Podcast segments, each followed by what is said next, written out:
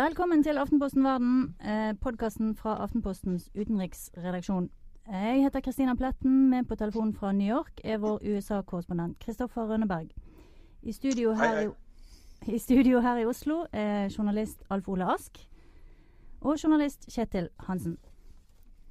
Eh, denne uken skal vi snakke om USA, men selv om vi skal gjøre det, så skal vi prøve å gjøre det til en nesten Trump-free sone denne gangen. Iallfall Trump-light. Eh, vi skal snakke om eh, noen forskjellige ting. Vi skal først prate litt om hva som skjedde med de tre republikanske favorittene som gikk på trynet én etter én etter tur. Vi skal diskutere om det er noen sjanse for at det kan dukke opp nye navn under landsmøtene i sommer. Vi skal møte Obamas kandidat til Høyesterett, og ikke minst, vi skal se frem mot Obama, Obamas historiske besøk på Cuba neste uke. Men først, Kristoffer, så må vi ta en fot i bakken eh, når det gjelder hvor vi står med disse primærvalgene. Det har vært veldig mye eh, nyheter og veldig mye dekning. Så eh, for å spørre deg et enkelt spørsmål, hvor mange kandidater er det egentlig igjen nå, og hva skjer nå fremover de neste ukene? Nå har vi eh, på republikansk side tre kandidater igjen. Det er eh, Donald Trump, Ted Cruz og John Kasich, eh, som er guvernør i, Ohio. På mm. demokratenes side så har vi Hillary Clinton og Bernie Sanders, som er de samme to som har vært der, vært der hele tiden. Det som skjedde på tirsdag, var at uh, man gikk fra fire til tre på republikansk side da Marco Rubio, som var en av disse forhåndsfavorittene, da han uh, trakk seg etter at han ikke klarte å vinne i, i hjemstaten Florida. Mm -hmm. Ja, og eh, På forsommeren i fjor, eh, når, når dette ble sparket i gang, så, så, var det nærmest opplest og vedtatt at det var kun tre republikanere som egentlig hadde en sjanse til å vinne. og Det var nettopp Rubio. Og så var det Jeb Bush, og så var det uh, Scott Walker, som er uh, guvernør i Wisconsin. Uh, men ingen av de har klart å overleve til nå. Marco Rubio var den siste av favorittene som forsvant ut. Så jeg vil gjerne spørre, hva, hva skjedde, Kristoffer? Hvordan kunne disse tre favorittene bomme så totalt? Hvis vi, hvis vi, hopper fire år tilbake i tid til, til 2012, eh, da republikanerne eh, satt igjen eh, etter valget der og lurte på hva som hadde gått galt, hvorfor Mitt Romney tapte, så var en av de tingene de fant ut, det var at de hadde vært for harde på immigrasjon. Så Derfor så måtte de forsøke å finne folk som kunne appellere til en større velgergruppe enn hva de hadde gjort i, i 2012. Og Det var en av grunnene til at vi fikk moderate uh, guvernører og folk som senator uh, Rubio som kom fram som, som, favoritter, fordi man tenkte at da kunne de appellere til, til flere folk enn, folk som hadde vært villige til å stemme på republikanerne i, i 2012. Man fulgte liksom en, en gammeldags tankemåte mm. som det plutselig ble tydelig at var gammeldags da man kom litt ut i valgkampen nå. Hvor folk vil ikke ha den gamle republikanske politikken, de vil ha noe helt nytt. Eh, de vil ha folk som Donald Trump, eller folk på den ekstreme høyresiden som, som Ted Cruz, som er de to som uh, virkelig er i, i, med i konkurransen på, på, republikansk side. Så kartet har liksom snudd litt opp ned, og det tror jeg tok uh, både republikanerne og alle oss observatører og vi som følger med på valget, fullstendig på sengen. Og det er, det er fortsatt veldig få som egentlig forstår hva var det som skjedde? Har, har, dette skiftet vært helt plutselig? Har det skjedd gradvis, og det var ingen som forsto at det skjedde? Uh, så her kommer det til å bli analysert veldig mye og skrevet uh, mange avhandlinger i, i, mange år fremover. Hvordan republikanerne plutselig så ut til å bli snudd helt på hodet. Analysen har vel allerede begynt når det gjelder hva, hva de gjorde feil, både Bush og, og Rubio, Alf Ole og Kjetil. Kjørte de veldig dårlige kampanjer, eller er det bare velgerne som har, vil ha noe helt annet? Jeg, jeg, tror kanskje at um, det er en ganske stor forskjell på Rubio og Bush. Bush uh, bar jo holdt på å si nærmest både faren og, og broren sin på, på, ryggen i tillegg. Uh, selv om han uten den forhistorien tror jeg ville ha, ha vært en mye sterkere kandidat. Med et annet navn, altså? Med et annet navn og, mm. og, og, og så videre, ja. I tillegg til det så Noe av det som Kristoffer er inne på som er, er problemet, det er jo at det republikanske partiet framstår jo, og har framstått de siste årene, som et veldig sånn, parti for eldre hvite menn, for å si det sånn. Mm. Uh, og det hjelper liksom ikke bare å, å, å um, holdt på å si, sprøytelakkere noen, noen, kandidater og dytte de ut uten å gjøre noe med politikken. Og, og det, er, det, er, nok det som er et problem her, er at partiet har vært shanghaiet eh, eller kidnappet av Tea Party-bevegelsen, som har presset de til høyre og gjort de til mer et parti for, for, for hvite menn enn hva de har gjort tidligere. Jeg tror begge disse her to eh, fremstår som mer eller mindre erfarne politikere, og de republikanske velgerne vil ikke ha det. Um, Og uh, Jeb Bush han kom seg jo aldri opp um, fra grøfta i meningsmålingene. Uh, kampanjen kom liksom aldri i siget. Og vi så at Trump kalte han for low energy. og mange andre styggere ting, men det var kanskje noe av det som traff mest. Um, han var ikke den uh, elleville karismatiske kandidaten som uh, de republikanske velgerne ville ha. Marco Rubio um, han uh, så til, gjorde det til tidligere bra, og så gikk han i bar iblant. senest i, mot slutten i en debatt, f.eks., hvor mm. han gjentok de samme tingene om og om igjen. Kan hende at han ikke klart helt holdt for en lang kampanje. Men altså, disse kandidatene bruker enormt mye penger på å analysere velgerne. De har eh, folk som sitter med så komplisert software. De har eh, et stort apparat over hele USA og erfarne rådgivere. Hvordan kunne de ikke vite at dette skjedde? Kristoffer, har du nå gjort deg noen tanker om det? Det er, eh, jeg tror det er mange som, som klør seg i hodet og, og lurer på akkurat, uh, akkurat, det du spør om der, Kristine.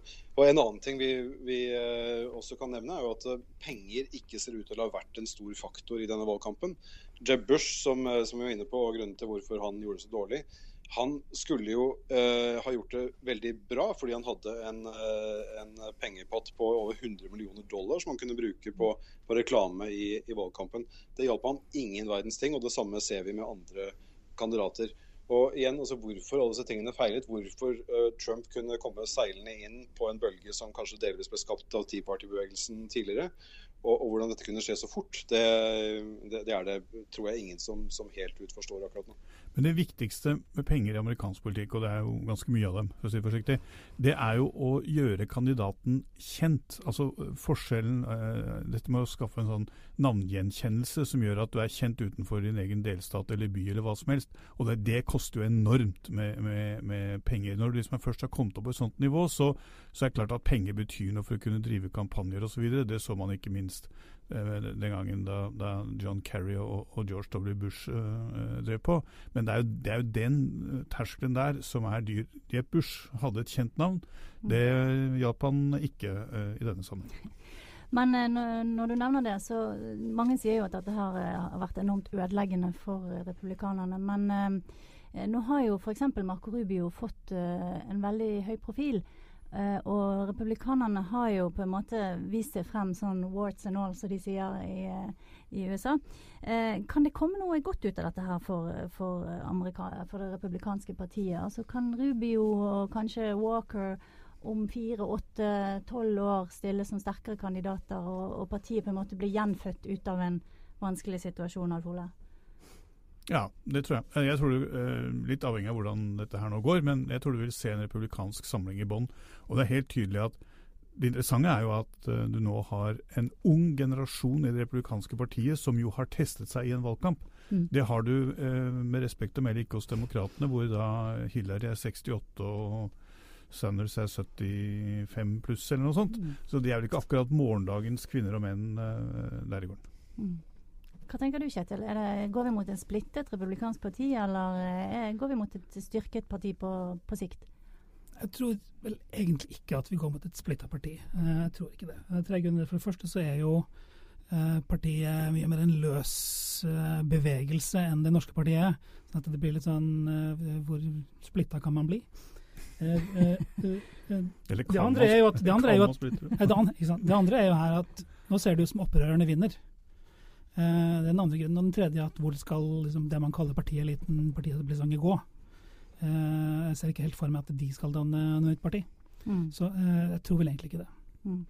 Men uh, Alfred, du nevnte dette med at uh, demokratene ikke akkurat har verdens yngste kandidater. er det sånn at Obama, Nancy Pelosi, Harry Reid, alle disse relativt Eh, godt, godt, voksne eh, toppolitikerne, har de dratt stien opp etter seg? Altså, er det noen bak, eh, bak Hillary som kan, kan demokratene kan se fremover til? Kristoffer? Ja, så klart Det finnes unge demokrater, men det er den eldre garde som har, som har tatt mesteparten av energien. Altså, jeg kan nevne en til, Elizabeth Warren, som ser ut til å mm. ha kontroll over den progressive siden av, av demokratene. Så hva de skal gjøre for å tiltrekke seg Hun er 68 år eller noe sånt, ikke hun det? Hun er i hvert fall godt opp i 60-årene. Jeg tror hun er 66 eller der omkring. Mm, mm. Så hva de skal gjøre for å tiltrekke seg unge velgere, det, det er jo det paradoksale her. At Sanders, som er om ikke 75, så er han i hvert fall 74. At han er den som får de unge velgerne til å, til å bli så engasjerte som de har blitt i denne valgkampen, det, det er jo et paradoks. Og hvorfor de ikke har noen lovende politikere under 40. Altså Barack Obama var vel den siste store, unge, lovende demokratiske politikeren vi har sett i, i USA. Det, det, er klart det er et stort problem for demokratene i, i tiden som kommer. Men det, det, blir jo neste valgsyklus, og ikke denne her. Ja, Det er jo interessant at det er ingen som kan, som Caroline Kennedy, som skrev i New York Times da Obama ble nominert, 'President like my father'. Det er ingen som kommer til å dra noen slike paralleller med, med det feltet som, som, står der nå. Mm, mm. Um, nå kan det jo se ut som på republikansk side at uh, det er i hvert fall en mulighet for at vi går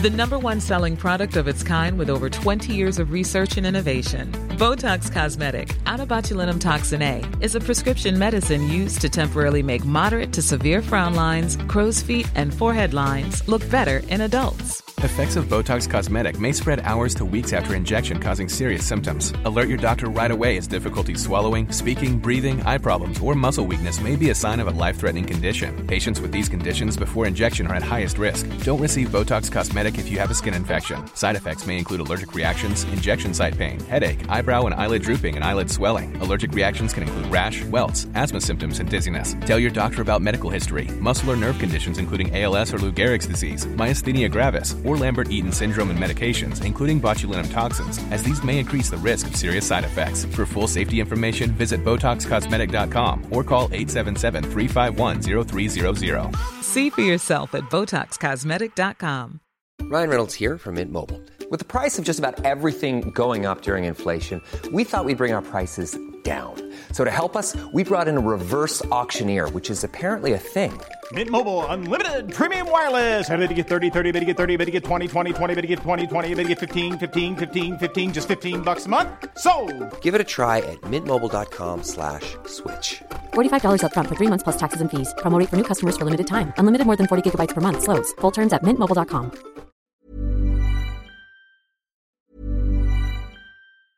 Say hello to a new era of mental health care. Cerebral is here to help you achieve your mental wellness goals with professional therapy and medication management support. 100% online. You'll experience the all new Cerebral Way, an innovative approach to mental wellness designed around you. You'll get a personalized treatment plan from a therapist, prescriber, or both in a safe and judgment free space. Your cerebral therapist or prescriber will outline a customized plan with clear milestones along the way so you can get to feeling your best. With Cerebral, you're not alone in your mental health journey. We're here to empower you to live a fulfilling life. So take that first step towards a brighter future and sign up today at cerebral.com slash podcast and use code ACasts to get 15% off your first month. Offer only valid on monthly plans. Other exclusions may apply. Offer ends July 31st, 2024. See site for details. Ryan Reynolds here from Mint Mobile. With the price of just about everything going up during inflation, we thought we'd bring our prices down. So to help us, we brought in a reverse auctioneer, which is apparently a thing. Mint Mobile unlimited premium wireless. Have to get 30, 30, bit to get 30, bit to get 20, 20, 20, bit to get 20, 20, bit to get 15, 15, 15, 15 just 15 bucks a month. So, Give it a try at mintmobile.com slash switch. $45 up front for 3 months plus taxes and fees. Promo for new customers for limited time. Unlimited more than 40 gigabytes per month slows. Full terms at mintmobile.com. mot et såkalt meglet landsmøte. Det vil si at det ikke er noen um, som har eh, flertall av delegater når vi kommer så langt i juli. Eh, og alle som har sett eh, House of Cards denne sesongen, har jo fått en smakebit på hva det går ut på. Um, men det som også kan skje i et meglet landsmøte, er vel at det kan komme eh, kandidater som blir lansert som ikke har stilt til valg. Og denne uken så sa John Boehner, som tidligere eh, leder av Representantenes hus, han sa det at eh, hvis det kommer så langt, så vil han ha Paul Ryan som eh, presidentkandidat. Kristoffer, er det noe sannsynlighet for at republikanerne til slutt kan ende opp med en som ikke har stilt til valg? Altså De begynte med 15-16 kandidater. Kan de ende opp med noen som ikke var blant de? Ja, først er jeg veldig glad for at du ikke sa noe mer om hva som skjer i House of Cards denne sesongen. det, har skjedd så mye på kveldstid. Av, ja. Enten er det valg eller så er det debatt. Så jeg har ikke, jeg har ikke fått eh, sett på den siste sesongen, så det, det gleder jeg meg til. Men uh, på spørsmålet ditt om meglet landsmøte. Uh, der får vi den virkelige testen på hvor splittet partiet er. Uh, Donald Trump varsler jo Jeg vet at vi ikke skulle ha en Donald Trump-sekvens i dag, men han har jo varslet opprør og, og, riots hvis det blir et, et meglet landsmøte. Så da får vi virkelig se hvor, eh, hvor ødelagt det, det republikanske partiet er blitt. Det er klart det er en mulighet at eh, partiledelsen kan trekke en Ryan eller kanskje til og med en Romney ut av hatten hvis ikke man klarer å bli enige om noen andre kandidater.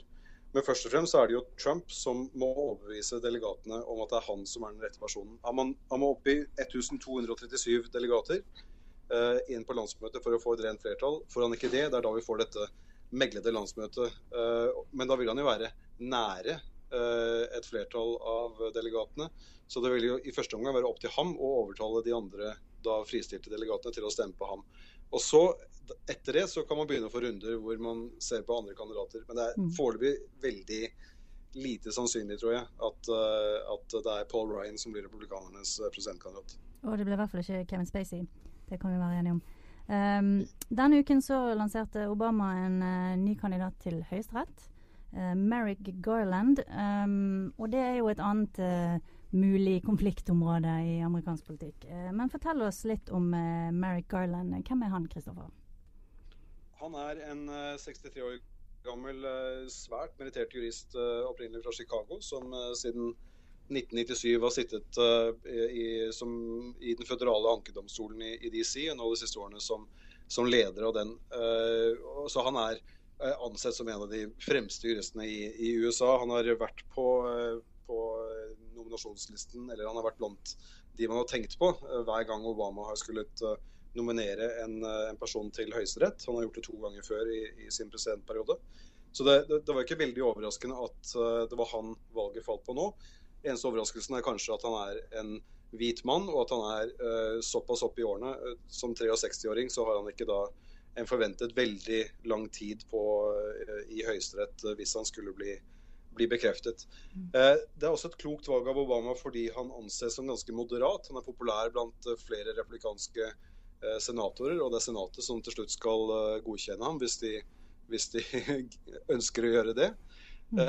Det er bl.a. syv av de i dag sittende republikanske senatorene som var med på å bekrefte ham da han ble valgt inn i ankedomstolen i DC i 1997. Og en fyr som eh, senator Orrin Hatch fra, fra Utah sa så sent som søndag at han håpet at Obama ville nominere eh, Garland til, til Høyesterett. Så mm. hvordan de nå skal eh, unngå at Obama får viljen sin i dette spørsmålet, det blir jo en kjempespennende sak nå i, i ukene og månedene som kommer. Ja, Kjetil, hvordan kan egentlig republikanerne forhindre at Obama får viljen sin? Nei, Først så må jo denne nominasjonen gjennom i en sånn komité som uh, sender den videre til behandling i Senatet. De kan rett og slett stoppe den der og la være å sende den videre. Uh, og dermed så nekte en behandling uh, av dette i det hele tatt.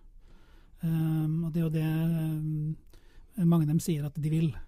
Så får vi se om de da tør å gjøre det når det kommer til stykket. Mm. På samme måte som de gjorde med ambassadøren til Norge i oh, holdt på å si månedsvis. Men Alfred, hvorfor er det så viktig for amerikanske presidenter å utnevne høyesterettsdommere? Hva betyr det? Fordi Høyesterett i USA har en mye sterkere politisk rolle enn eh, det Høyesterett uh, i hvert fall er ment å ha i Norge. Men nå har nå Høyesterett i Norge beveget seg litt òg, men det er en annen diskusjon. Men de, for bare for å ta et konkret eksempel. Selvbestemt abort er i USA gjennomført i en høyesterettsdom, ikke gjennom et lovvedtak. Det er en tolkning av Grunnloven om kvinners rett til å bestemme over sin egen kropp. Eh, sånn at eh, De prøver masse slike saker eh, og går inn og tester politiske vedtak mot Grunnloven, og er dermed en mye mer politisk domstol. De beskyldes jo ofte for å være en gjeng med gamlinger som sitter der. Husk på at nå er vel gjennomsnittsalderen i den amerikanske høyesterett betydelig lavere enn Rolling Stones. Mm. Etter de siste Som ikke sier så veldig mye. Nei, men uh, det er få som ser på Rolling Stones som et gamlehjem. men, uh, men uh, hvordan, ehm, hvordan skal Obama klare å overbevise republikanerne nå? han har jo begynt uh, nærmest en kampanje for dette her, og sier at uh, forrige gang en, en nominert høyesterettsdommer ikke fikk sin sak behandla i Senatet, var i 1975. Og at seks høyesterettsdommere i dette århundret er blitt nominert i et valgår. men, men og, og det er også et spørsmål om, om de republikanske senatene vil få problemer med dette i sin egen valgkamp eh, til høsten. Så um, det kan hende at det er der det ligger. Ja, Obama har fått et problem i uh, sin egen visepresident, Joe Biden. Uh, mm. fordi han, Da han i sin tid var leder for justiskomiteen i Senatet, så sa han at han syntes det ville være utidig om en uh, høyesterettsdommer ble nominert og vedtatt i et valgår, fordi da ville hele landskapet være så politisert at det ville være umulig å, å, kunne finne en egnet kandidat uten at det ville medføre trøbbel. Så det, det at den nåværende visepresidenten har sagt dette, eh, og dermed legitimerer på en måte det republikanerne gjør, det, det gjør situasjonen litt vanskeligere for eh, president Obama. Det er helt riktig som Kristoffer sier. Det ser ut som de tilpasser argumentene til om de selv sitter i posisjon eller ikke. Eh, jeg vil bare si litt til deg om, om, om, hva det betyr for Obama. fordi Han har utnevnt to høyesterettsdommere nå i sin periode hittil. Elena Kagan og Sonja Sotomayor.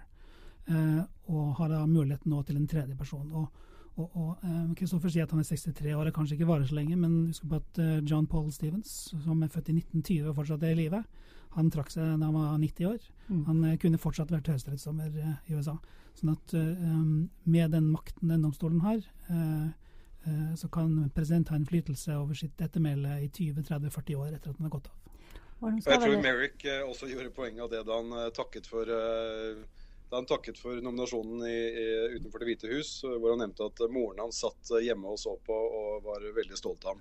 Det var kanskje en indikasjon på at, uh, han, har altså, at han har mange år foran seg igjen hvis han skulle bli uh, dommer. Og så skal man vel også si at av alt det rare Joseph Biden har sagt, og alle de tingene man kan google og bruke mot presidenten, så tror jeg dette er kanskje er en av de tingene som er lettest å komme rundt. Og Da skal vi over til en, en, annen ting som også handler litt om Obamas ettermæle, og det er forholdet til Cuba.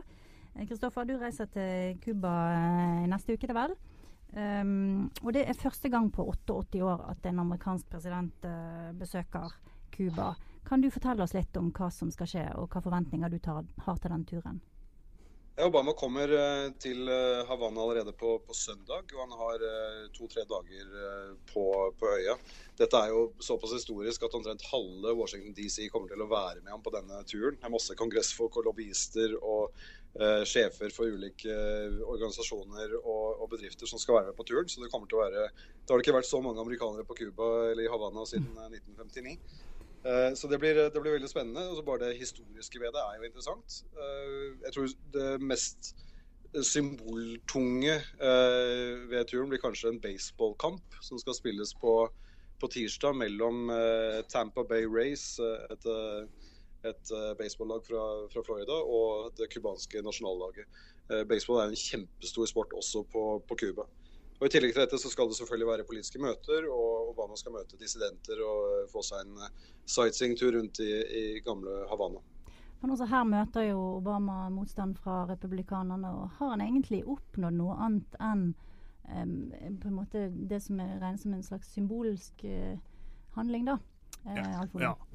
Det, altså, han har, er nå i ferd med å løse dette betente forholdet til Cuba, og det tror jeg eh, var, det var på høy tid, og det du ser nå er noen politiske krampetrekninger. Men, men dette er, eh, var på høy tid. Jeg har sjøl vært eh, på Cuba, og det, det, tusset jo amerikanere som hadde dratt dit via Canada og, og, inn på andre måter.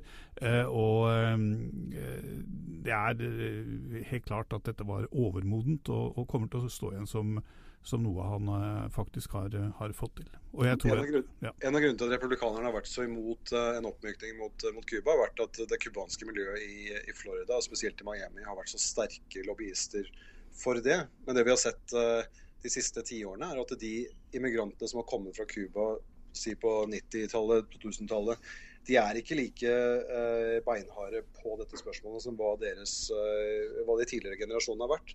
Jeg var i Miami i forrige uke og snakket med ganske mange cubanske amerikanere der. Og det er et helt tydelig aldersskille uh, når det gjelder synet på Cuba og på oppmykning av den amerikanske politikken der.